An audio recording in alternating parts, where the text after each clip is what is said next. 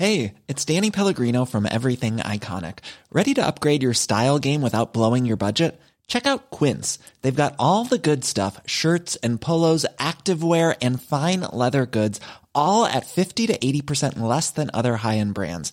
And the best part? They're all about safe, ethical, and responsible manufacturing. Get that luxury vibe without the luxury price tag. Hit up quince.com slash upgrade for free shipping and 365 day returns on your next order. That's quince.com slash upgrade. Millions of people have lost weight with personalized plans from Noom, like Evan, who can't stand salads and still lost 50 pounds. Salads, generally, for most people, are the easy button, right? For me, that wasn't an option. I never really was a salad guy. That's just not who I am. But Noom worked for me. Get your personalized plan today at Noom.com. Real Noom user compensated to provide their story. In four weeks, the typical Noom user can expect to lose one to two pounds per week. Individual results may vary. I'm Sandra, and I'm just the professional your small business was looking for. But you didn't hire me because you didn't use LinkedIn jobs. LinkedIn has professionals you can't find anywhere else, including those who aren't actively looking for a new job but might be open to the perfect role, like me. In a given month, over 70% of LinkedIn users don't visit other leading job sites. So if you're not looking on LinkedIn, you'll miss out on great candidates like Sandra. Start hiring professionals like a professional. Post your free job on linkedin.com/people today. A-kursen sponsras av Akademikernas a-kassa. Det är också Sveriges största a-kassa. Och varför ska man vara med i a-kassan? För att sova bättre om nätterna. För det här är ju någonting som ger en trygghet. Man står inte helt utan pengar om man då skulle bli av med arbetet. Och det är ju jättetråkigt att bli av med jobbet men det blir ju mindre tråkigt om man har safeat upp lite och betalat in 130 kronor i månaden till Akademikernas a-kassa så att man ändå kan få ut upp till 26 400 kronor i månaden. Och om man inte blir av med jobbet så kan man ju vara glad att man bidrar till trygghet för någon annan som förlorar jobbet. Ja, och om man byter jobb då behöver man ju inte heller byta a-kassa just för att det handlar ju inte om exakt vad man sysslar med utan det handlar ju om huruvida man är akademiker eller inte. Och det är vi hela livet. Verkligen, det är vi ju redan som studenter och även studenter är välkomna att bli medlemmar om man har som mål att ta minst 180 högskolepoäng. Så gå in på akademikernasakassa.se a-kursen i ett ord och bli medlem redan idag. Och tryggare kan inga vara än vi medlemmar och Guds lilla barnaskara. Ni två. Mm. Jag tror barnaskaran är större och medlemmarna med. Tusen tack Akademikernas a-kassa för att ni sponsrar A-kursen. A-kursen sponsras av TCO, Tjänstemännens centralorganisation. Föräldraförsäkringen fyller 50 år i år. Hipp hipp hurra! Hurra för dem, eller hurra för oss. Ja, gud ja. Vi är ett rätt stort gäng som har kunnat njuta av denna föräldraförsäkring som när den kom till kallades för ett vansinnigt förslag av motståndarna. Men den revolutionerade synen på jämställt föräldraskap och utvecklingen mot en mer jämställd fördelning av föräldrapenninguttaget har gått framåt. Men sen 2018 har det stått nästan helt still på den fronten, vilket är ju supertrist. För det här ojämna uttaget skapar långvariga och bestående inkomstskillnader mellan kvinnor och män. Och i snitt går kvinnor miste om 50 000 kronor per år. Och det här innebär ju att pappor missar en massa värdefull tid med sina barn. Så det blir ju en lose-lose situation. Hur hade ni det? Var ni bra på att dela? Vi var väldigt bra på att dela skulle jag säga. Jag tog första delen, men sen hade vi faktiskt också ett upplägg som var jättehärligt där vi båda liksom jobbade halvtid och var föräldralediga på halvtid sista liksom perioden innan i alla fall vårt andra barn började på förskola. Så dela mera, säger vi. Eller hur? Absolut. Och för att fira denna fantastiska 50-årsdag som föräldraförsäkringen firar så har TCO gjort en dokumentärfilm ledd av skådespelaren Emma Molin som i lite härlig historieätaranda berättar om vad som egentligen hänt sedan 1974. Så in och kika på den på TCOs sajt. Tack TCO för att ni sponsrar A-kursen. Det här är överkursen i rättspsykiatrisk vård. Det vill säga hela Emmas intervju med Axel Haglund som är överläkare i rättspsykiatri på Rättsmedicinalverket och anknuten forskare vid Karolinska institutet. Axel berättar bland annat om de vanligaste myterna när det kommer till rättspsykiatrisk vård. Hur det är att träffa personer som gjort sig skyldiga till fasansfulla brott och varför psykopater inte längre får rättspsykiatrisk vård. Men först, ökar eller minskar antalet personer som får rättspsykiatrisk vård som straffpåföljd? Det finns en trend uppåt, att det är något fler som döms om man tittar den senaste tioårsperioden. Då. Något fler får rättspsykiatrisk vård, men det handlar inte om några dramatiska ökningar. Det ligger förhållandevis rakt, men svag ökning. Då. Vad menas egentligen med rättspsykiatrisk vård? Rättspsykiatrisk vård i Sverige finns i två typer kan man säga. Den ena är den akuta formen av vård som man kan få om man är anhållen, häktad eller redan dömd till fängelse. Om det seglar upp ett behov, då kan man omedelbart få rättspsykiatrisk vård. Men den andra formen, den vi kanske kommer prata mer om idag, det är när man döms i en domstol till påföljden rättspsykiatrisk vård. Så det är de formerna av rättspsykiatrisk vård som finns i Sverige. Då, då. Och varför döms man till rättspsykiatrisk vård istället för fängelsestraff? I Sverige har vi då en lagstiftning. Det här regleras alltså i brottsbalken och den nuvarande formen då, den började 92. Så att det är lite drygt 30 år nu. Och I den så står det då att den person som ska dömas för ett brott där påföljden kommer bli en frihetsberövande påföljd då, då och personen då har begått de här gärningarna eller gärningen under påverkan av en allvarlig psykisk störning och att den här allvarliga psykiska störningen den finns kvar när man gör undersökningen efteråt och det finns ett vårdbehov kan man säga. Då. Under de förutsättningarna kan man då dömas till rättspsykiatrisk vård istället för fängelse. Och hur vanligt är det då att man döms till rättspsykiatrisk vård i jämförelse med fängelsestraff? Alltså det är en ganska ovanlig påföljd om man ser det rent statistiskt. Då. Jag tittade på siffrorna från förra året, då, 2022, och då var det cirka 12 000 domar till fängelse under det året. Och så var det 353 till rättspsykiatrisk vård. Så det motsvarar ungefär en 3 procent av alla frihetsberövande påföljder. Så det är en liten verksamhet och bland det stora flertalet så är det ju fängelsepåföljd. Då. Men i en liten, liten grupp som vi då på Rättsmedicinalverket försöker vara med och välja ut då, så är det vård som blir påföljden istället. Då. Och hur ser det ut i andra länder? Har de också den här typen av påföljd? Ja, rent eh, juridiskt så regleras det på ett annat sätt i, i princip alla andra länder. Sverige har faktiskt en ganska speciell lagstiftning och det här går tillbaka till när brottsbalken, den ursprungliga versionen 1965 då kom. För det är ju så att i Sverige så blir man då, man hålls ansvarig ändå då för att ha begått brott. Man döms och det här är en påföljd. I många andra länder så har man det som kallas för tillräknelighetsrekvisitet då, som är att om en person har varit svårt psykiskt sjuk och inte bedöms vara tillräknelig, då hålls man liksom inte ansvarig då. Och så griper en annan lagstiftning in i allmänhet som säkerställer att den här personen får vård då, med tvång när det behövs. Kan det också handla om en sorts strafflindring? Mm, det kan det ju också vara. Och i svensk eh, lagstiftning finns det momentet med faktiskt också. Det kan vägas in och leda till straff minskning under vissa omständigheter. Alltså att det här leder till att straffvärdet blir så lågt att man inte blir frihetsberövad till exempel. Så, så att det finns ett litet sånt moment i svensk lagstiftning också. Men så kan det absolut vara på många håll i världen att de här personerna de ska överhuvudtaget inte dömas. Då. Men i Sverige har vi ett lite annat synsätt på det här med kriminalitet och psykisk sjukdom som vi kanske har övergivit, men vi har lagstiftningen kvar. Har alla som döms till rättspsykiatrisk vård en psykiatrisk diagnos? Det korta svaret är ja, alla har en diagnos. Men rent principiellt, om jag ska utveckla det lite, så är det att det är inte nödvändigt med en diagnos. Utan i Sverige har vi ett begrepp som är allvarlig psykisk störning som inte är bundet till specifika diagnoser eller så. Då. Och så som det här lagstiftaren har tänkt sig det här äh, konceptet allvarlig psykisk störning så är det liksom inte helt... Äh, det står ingenstans att man måste ha en diagnos. Men det ska ju ha en påverkan, äh, en grav påverkan på ens psykiska funktionsförmåga och så. Och rimligen så innebär det att man också kan diagnostiseras. Det var det lite mer komplicerade svaret. Men jag skulle säga att alla har någon form av diagnos när man döms. Du är psykiatriker i grunden. Exakt. Mm. Är det svårt att befinna sig i det här gränslandet mellan psykiatri och juridik när man ser på det här på lite olika sätt? Ja, jag tycker det är en väldigt spännande brytpunkt för att saker ställs ganska mycket till sin spets när man hamnar inom juridikens område. Vi tvingas ta ställning i de här frågorna som ibland kan kännas väldigt svårt då, när vi är i gränslandet här.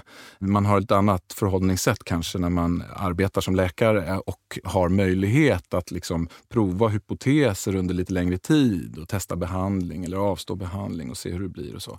Vi som gör de här rättspsykiatriska undersökningarna, vi måste sätta ner foten och ta in ett informationsunderlag och tänka juridiskt i det här. Vi måste komma med en rekommendation helt enkelt. Vad väger för och emot?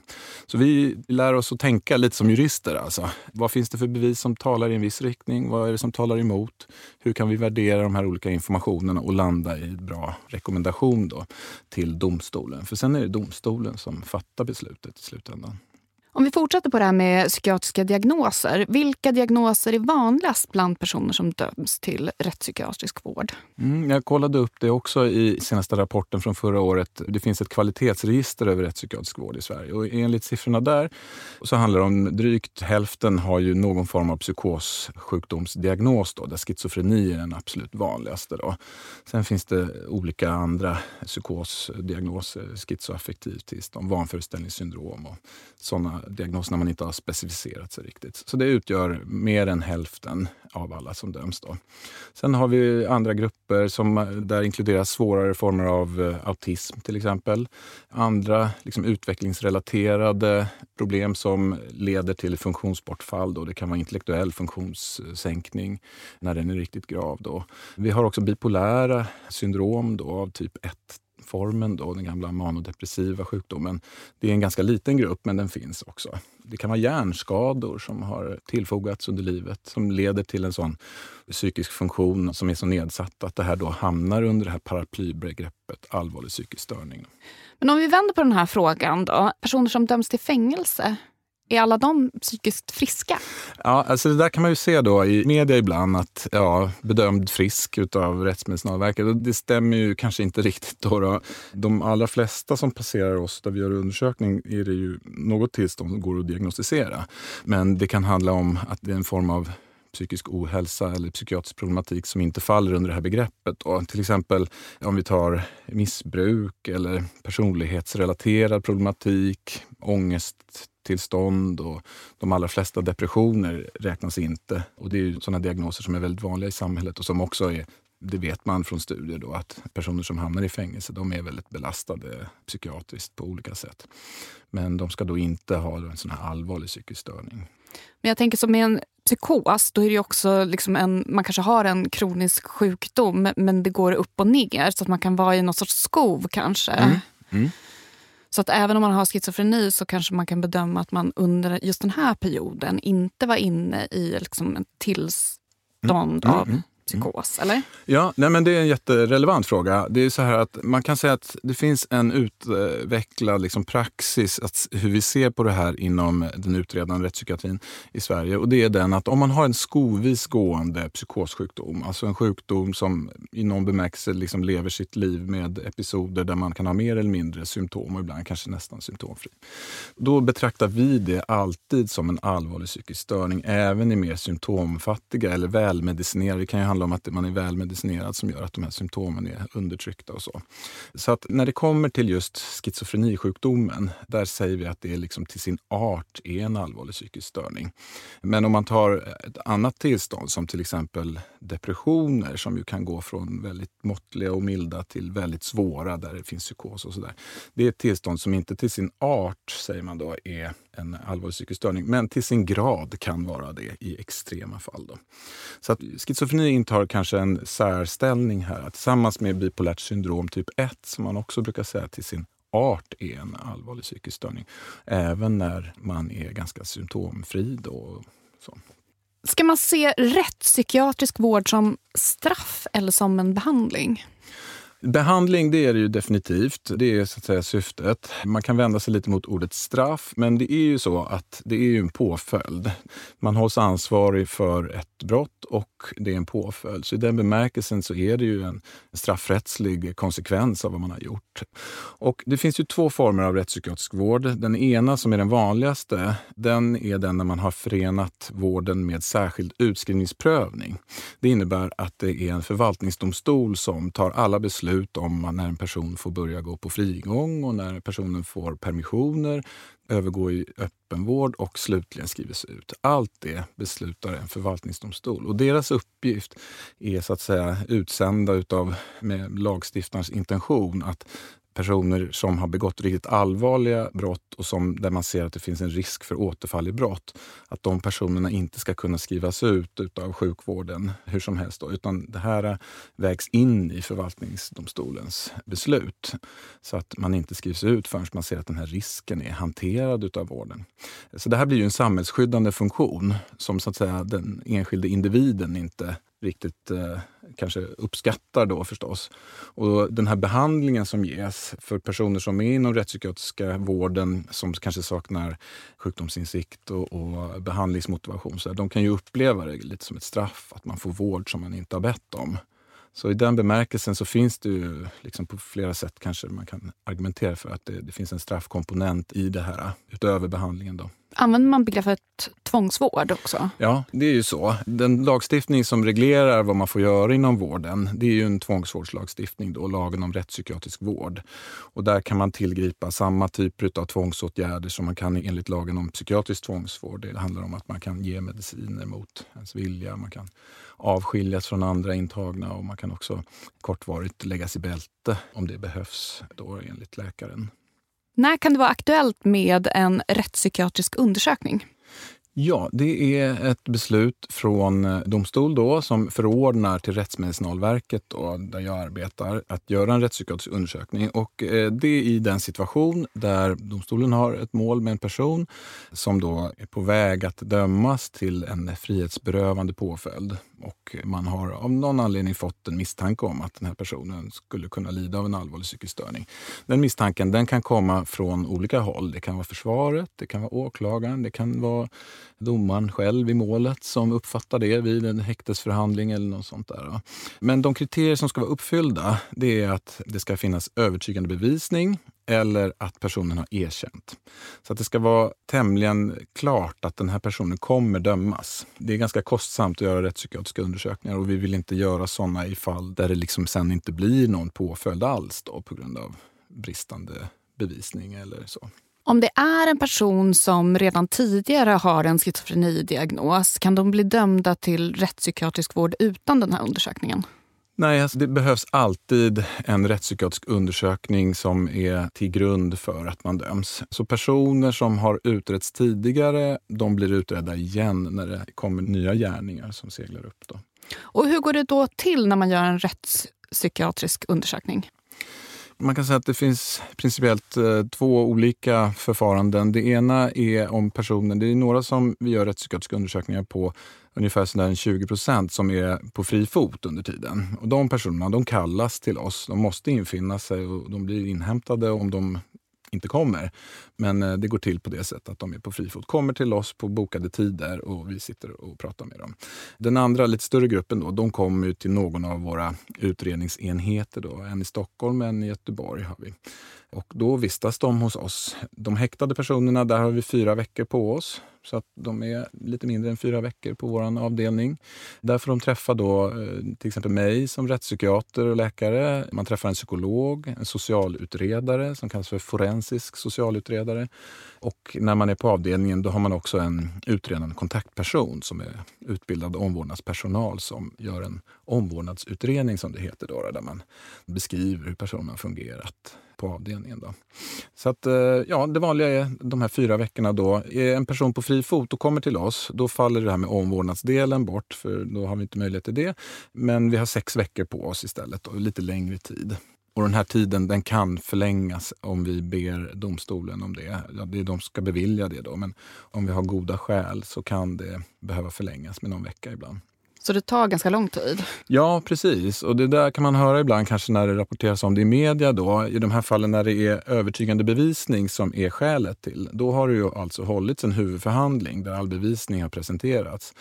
Och så har domstolen bestämt sig för att den här personen, det finns övertygande bevisning, personen ska dömas. Men vad ska det bli för påföljd? Och då tar man alltså en paus i huvudförhandlingen. Och den pausen varar då under de här fyra veckorna när personen kommer till oss för den här undersökningen. Och så. Och sen återupptas det efter.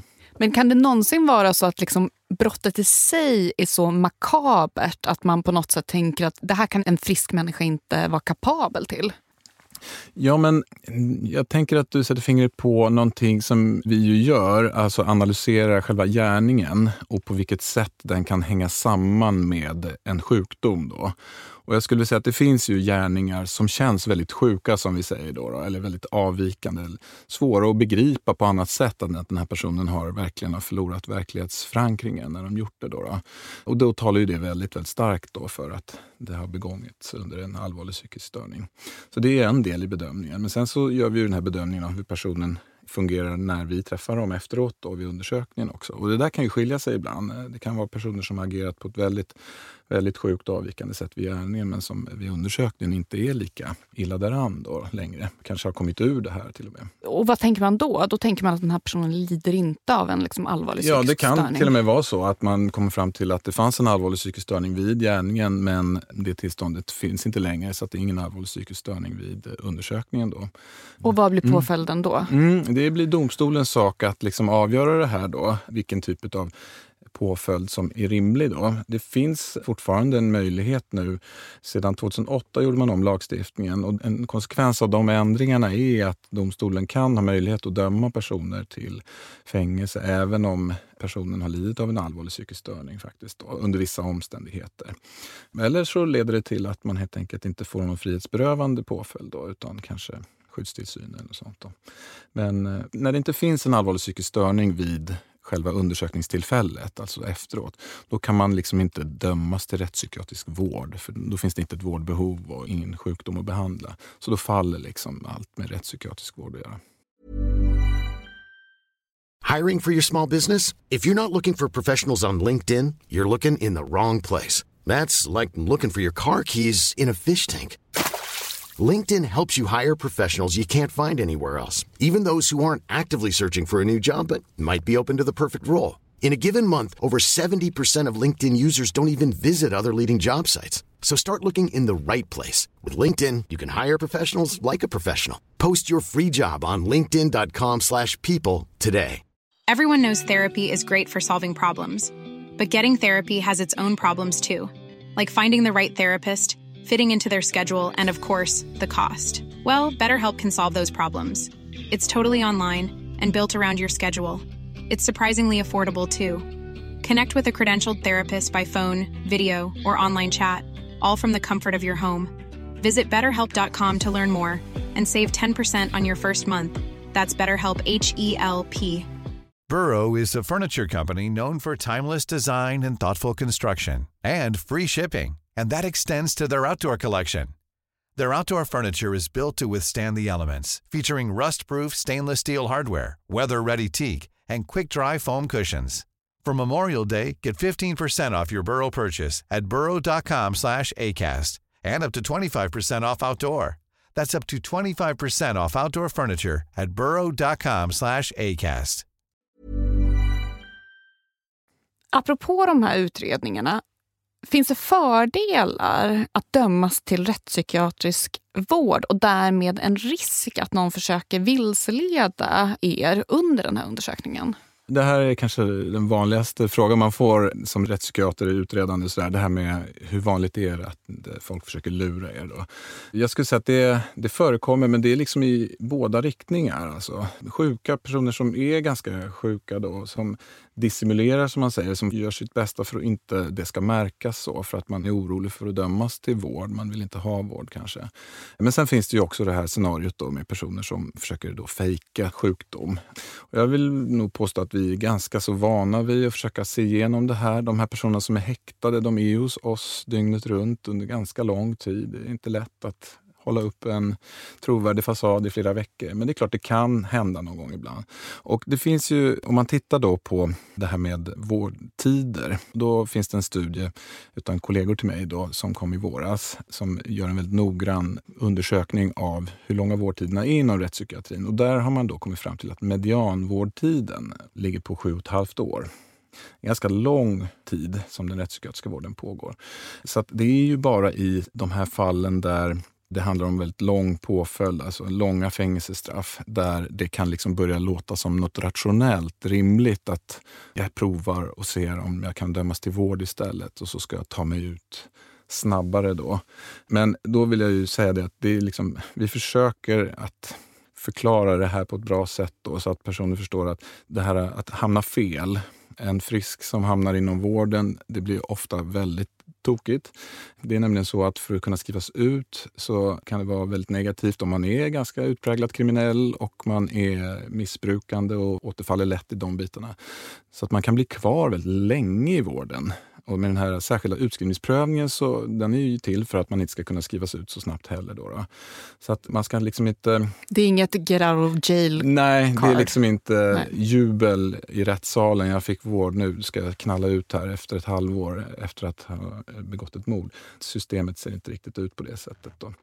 Den rättspsykiatriska vården är liksom inte tidsbestämd på samma sätt som ett fängelsestraff. Exakt, den är ju inte det. Utan hur lång tid man blir kvar inom vården det bestäms av flera olika saker. Men i de fall där det är särskild utskrivningsprövning då är det ju alltså en förvaltningsdomstol som då tar hänsyn till vad är det för gärningar som ligger till grund för det här. Och om det då är till exempel, som i den här studien, skulle man säga dödligt våld. Bland de som har dömts till rättspsykiatrisk vård på grund av dödligt våld, där var medianvårdtiden 11 år. Så att det motsvarar ju ett fängelsestraff på 16 år minst. Då. Och det är medianen, så att hälften får längre. Så, så att, eh, det finns situationer där man kan förstå på ett sätt att den klient vi utreder har förhoppningar om att kan jag få vård så kanske det blir lite bättre. Sen ska man ju komma ihåg att det är ganska olika betingelser att vara på en vårdavdelning och vara på anstalt. Personer som behöver vård, där är det väldigt olyckligt att hamna fel. Man har inte alls samma möjligheter att hjälpa den här personen under ett anstaltspåföljd. Så att eh, det går åt båda håll. Hur skulle du säga att den rättspsykiatriska vården ser ut för de intagna? Jag antar att det kan skilja sig ganska mycket. Ja, den är ju alltid individuellt anpassad efter personens behov. Då. Det är en inledningsfas som handlar mycket om kartläggning, att förstå vilka vårdbehov som föreligger. Och man börjar också utprovning av läkemedel. De allra flesta har ju läkemedelsbehandling. Då. Den stora gruppen som jag nämnde det är ju de här personerna som lider av schizofreni och där är i princip alltid då psykosdämpande läkemedel. Så att man inleder en utprovning av en liksom optimal behandling som på bästa sätt ska kunna hålla undan sådana sjukdomssymptom. och så. Så det är liksom inledningen sen. Och sen så är det ju så att inom rättspsykiatriska vården jobbar inte bara läkare, sjuksköterskor och omvårdnadspersonal på avdelningen utan det finns ju psykologer som kan bedriva terapier, kuratorer som håller i kontakter, sociala kontakter, stöttning kring ekonomi, boende och sådana saker som blir jätteviktiga när man kommit en bit in i vården och börjar blicka framåt mot utskrivning och så. Det finns också arbetsterapeuter, sjukgymnaster. Så det, det finns liksom en väldigt bred arsenal av åtgärder som kan komma att eh, användas under vårdtiden. Och vad är målsättningen med vården? Det är alltid att hitta den optimala behandlingen, alltså det bästa sättet att hantera den sjuklighet som det är frågan om. Det finns liksom alltid med där. Det, det, det finns inga scenarion där man sätter det åt sidan om man säger så. Men sen så när det kommer till det här med särskild utskrivningsprövning, som jag nämnt lite tidigare, så det handlar ju om att reducera riskerna för återfall i brottslighet. Då, då. Så att det liksom blir ganska styrande för de insatser man gör. Man liksom tittar på vad är det som kan leda till liksom ökad risk att den här personen återfaller. Och då får man tänka väldigt brett. Då. Men kan det Eh, vara att man är missbrukare? Då behöver Ja, man få precis. liksom, behandling för det? Då behövs behandlas för det och det behöver planeras hur man ska liksom kunna förebygga så långt det går att den här personen hamnar i situationer där man återfaller. Då, så att säga. Och för att en person med missbruksproblematik inte ska snabbt halka in i det igen, då är det jätteviktigt med en social situation omkring en när man kommer ut som är liksom stabil på något sätt. Då, då. En person som inte har tak över huvudet ökar ju risken jättemycket att man är tillbaka i, i droganvändning och så. Så att väldigt mycket sådana saker som man jobbar med lite senare under vårdförloppen. Då. Och sådana saker som kan ta ganska lång tid. Det är nog det vi ser lite i de här siffrorna över vårdtider. Det är att det tar tid att ordna sociala aspekter och, och inför utskrivning. Sådär. För där är det nära samarbete med kommuner kring olika typer av boendeformer och så som, som inte är så lätt att bara vaska fram i sådär blixtsnabbt alla gånger. Och ibland kan det vara att man får prova sig fram då, ett första försök med någon form som inte riktigt eh, funkade. Och då får man gå tillbaka några steg och prova igen. Så, så att, eh, den här initiala kartläggande behandlingsfasen, den behöver inte vara särskilt lång egentligen. Den, den kan man känna att man är liksom färdig med inom första halvåret. Men sen vidtar väldigt mycket arbete som eh, kan ta många år. Då. Så då handlar det initialt om att på något sätt få en behandling så att man får en sorts behandling för det psykiatriska tillståndet. Mm. Och sen då på något sätt förebyggande åtgärder för mm. att minska återfall. Och så tänker jag väl också just där att det är en sak att stå på behandling när man befinner sig inom mm. det här vårdsystemet. Men att man också behöver kunna ta med sig det ut. om man... Precis, ja. och då är det ju alla i princip börjar med, alltså påföljden avslutas inte tvärt då, utan man har en öppen öppenvård, en rättspsykiatrisk öppenvård, där man liksom prövar sig fram då på ett nytt boende till exempel. Och där är det då inskrivet eh, av förvaltningsrätten då, villkor som ska vara uppfyllda. Och om de bryts eller att det är någonting som inte funkar här, då kan man bli återintagen helt enkelt. Då, och så får man göra en ny planering. Så att det finns den här ganska ordentliga liksom, säkerhetsbufferten då, med en period i öppenvård där man måste liksom se.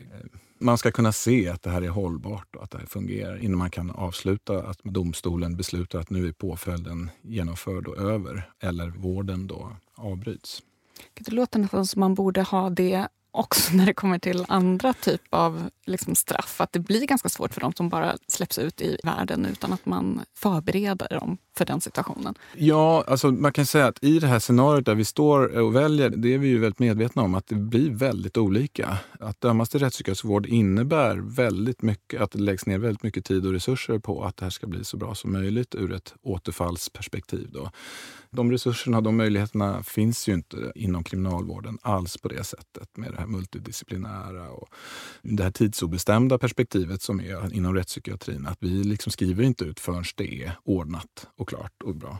Har man en tidsbestämd påföljd på anstalt då tickar klockan och sen så skrivs man ut vare sig man har deltagit eller inte i princip då, i sådana program eller så. Hur ofta når man behandlingsmålen? I de allra flesta fall då kommer man ju till en punkt där man kan avsluta påföljden. Så är det ju. Så att i det avseendet så har man hög success rate inom rättspsykiatrin. Och eh, sen är det ju som jag är inne på en tidsfråga då. Att man inväntar helt enkelt att saker är på plats och att det fungerar så pass bra att man kan skriva ut. Men sen så återstår en liten grupp där man får svårt att liksom skriva ut personen, där man blir kvar under väldigt lång tid. Då. Och där det i vissa fall kan bli att man får förändra målen till att kanske tillskapa en situation där livskvaliteten är så hög som möjligt för den här personen inom klinikens ramar då för att man ser att eh, det går inte att slussa ut den här personen med mindre än att återfall i brott eller ja. Kan det vara så att de inte vill bli utslussade också? Det förekommer också.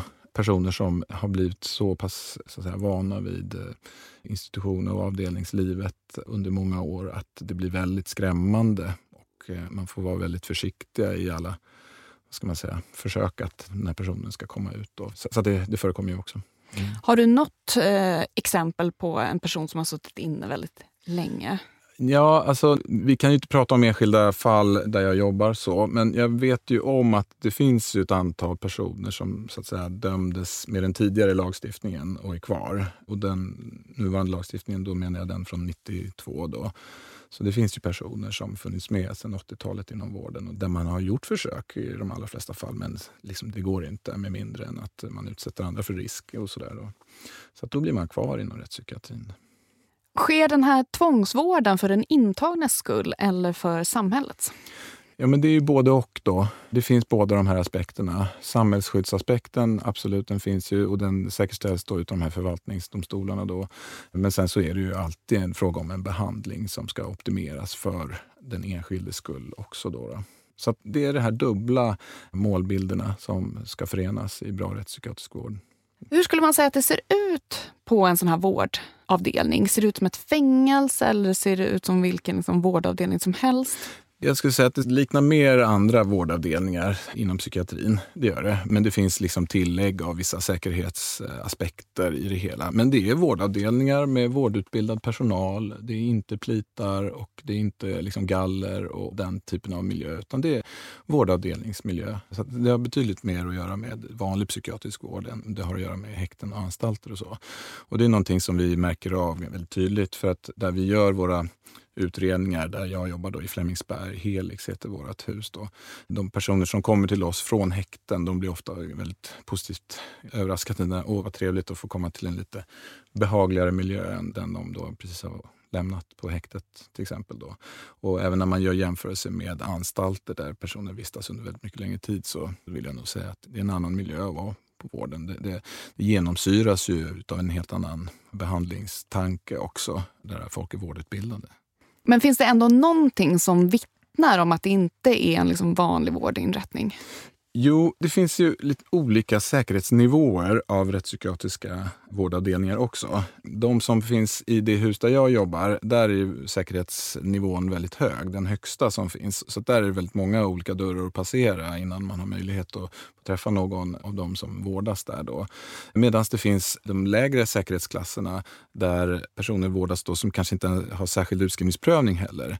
Där det nästan inte går att skilja dem från de vanliga vårdavdelningarna. Det är ju låsta dörrar så, där, så man kommer inte att gå precis som man vill. Men det kan vara väldigt, eh, väldigt likt då. Så det, det, finns en spännvidd här mellan de högsäkerhets rättspsykiatriska och det är ofta regionkliniker runt om i landet som har de här högsta säkerhetsnivån också. Och så finns det mindre rättspsykiatriska vårdkliniker då, där säkerhetsnivån inte är, är lika rigorös. Så då. Men känner du dig någonsin hotad av patienterna? Behöver du ha med dig någon säkerhetsvakt när du gör de här utredningarna? Jag skulle säga att det ganska sällan händer att man liksom upplever ett hot. Men sånt förekommer ju och det kan höra till liksom vardagen också. Då, då, missnöjda personer. Så. Men vi gör ju alltid en värdering, en bedömning på förhand. Ser vi att det kan finnas risker så kan vi fatta beslut om att ingen ska jobba ensam med den här personen. Man ska alltid ha någon med sig. Men så behöver det inte alltid vara. På utredningssamtalen är det vanligt att jag kan sitta själv med en person på ett rum. Då. Sen så har vi, vi har specialbyggda lokaler som är på ett sånt sätt att man sitter så att båda kan lämna rummet om man eh, vill det. Man behöver liksom inte plötsligt trängas i ett hörn eller så. Då. Så att det blir lite genomtänkt på det sättet. Men om det är liksom på förhand identifierat att det här är en person som lätt brusar upp och kan bli farlig, då, då kan man som läkare ha med så många vårdpersonal som man finner lämpligt för att upprätthålla säkerheten. Man ska inte behöva vara rädd som utredare, att det ska liksom inte vara en aspekt i det hela. Utan är man rädd, då är det något som inte stämmer. Då ska man vidta åtgärder för att säkerställa. Men hur är det då för dig att träffa de här personerna, möta de här människorna som kanske har gjort helt fruktansvärda saker? Mm.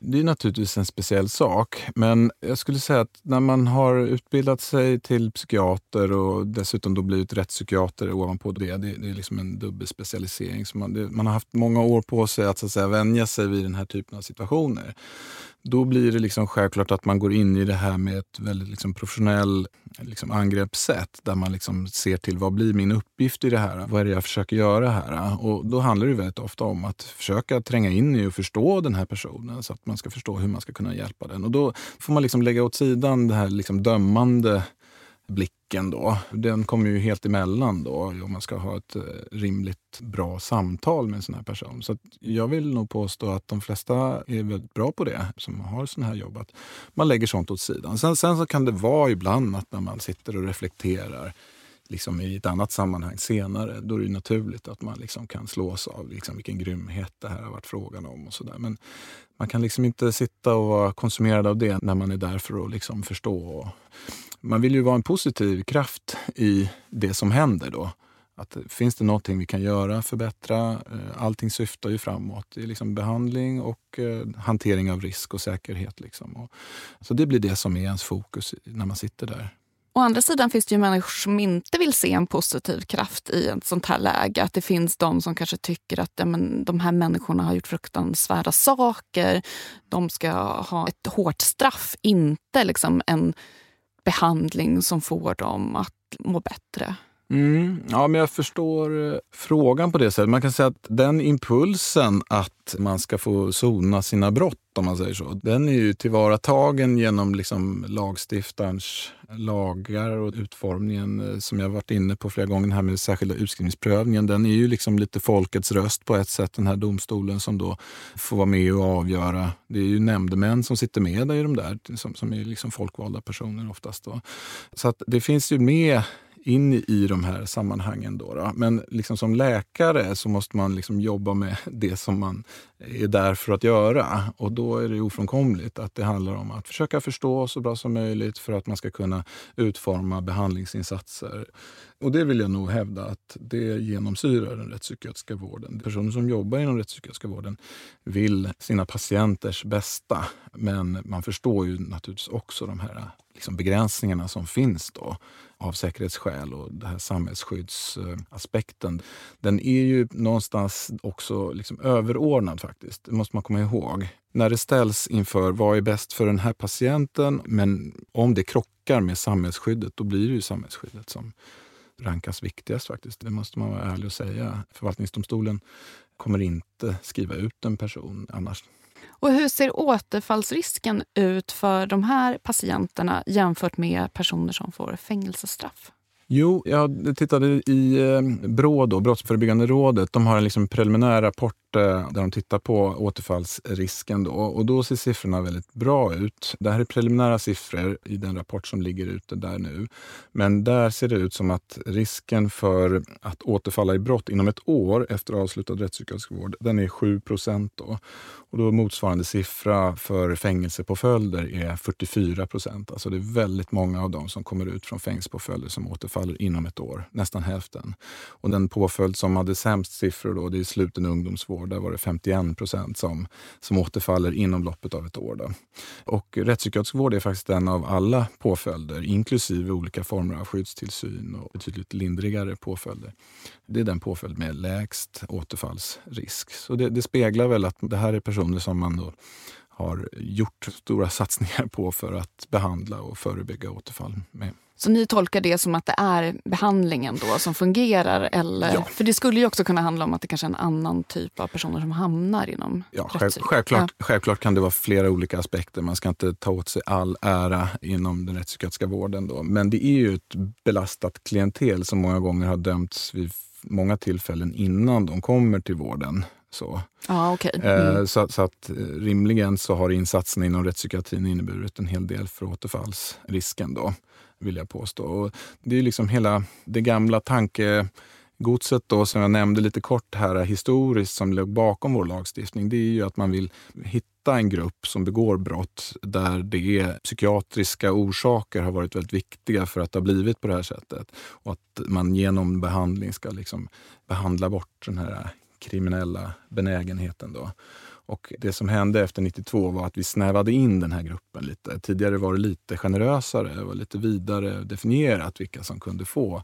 Även psykopater kunde man vilja försöka behandla och så på 70-80-tal och sådär. Men det har vi liksom tagit bort och snävat av gruppen då så att det är personer med de här svåra psykiatriska sjukdomstillstånden. Och det är inte helt ologiskt då att om man verkligen eh, satsar på dem och försöker behandla dem så kanske det begås mindre brott sen. Då.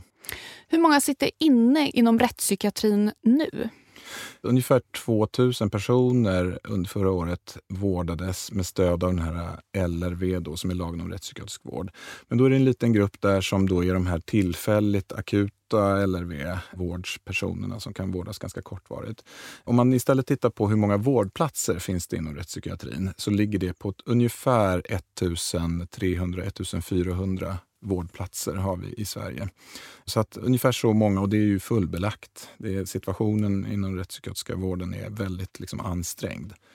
För det är så att det tillkommer något fler varje år än det skrivs ut, som det har sett ut. Och den trenden har varit nu under ganska lång tid. Så det är en långsamt expanderande grupp då som vårdas trots då att man har smalnat av kriterierna. Precis, man kan säga effekten av den här avsmalningen den såg man under framförallt 90-talet när lagstiftningen gjordes om och eh, även praxis bland eh, utredande rättspsykiatriker långsamt förändrades då i tillämpningen. Då. Sen har det nog inte hänt så mycket sen början på 2000-talet i det här avseendet. Och istället så, ja, vi har ju en växande population också. Men det man ser är faktiskt att vårdtiderna har börjat bli lite längre. Det finns trender de sista tio åren på att man vårdas lite längre inom rättspsykiatrin. Vad tror man det beror på då? Ja, det, det, är faktiskt en jättebra fråga som jag inte riktigt eh, har svaren på. Det kan vara saker som liksom har att göra med förvaltningsdomstolarnas bedömningar eh, som kan ha blivit lite strängare. Det kan präglas av ett sånt klimat kanske, kriminalpolitiskt, att eh, man är försiktigare i såna här frågor då, där man fattar beslut om att skriva ut någon när det handlar om eh, värdering av risk för återfall och så.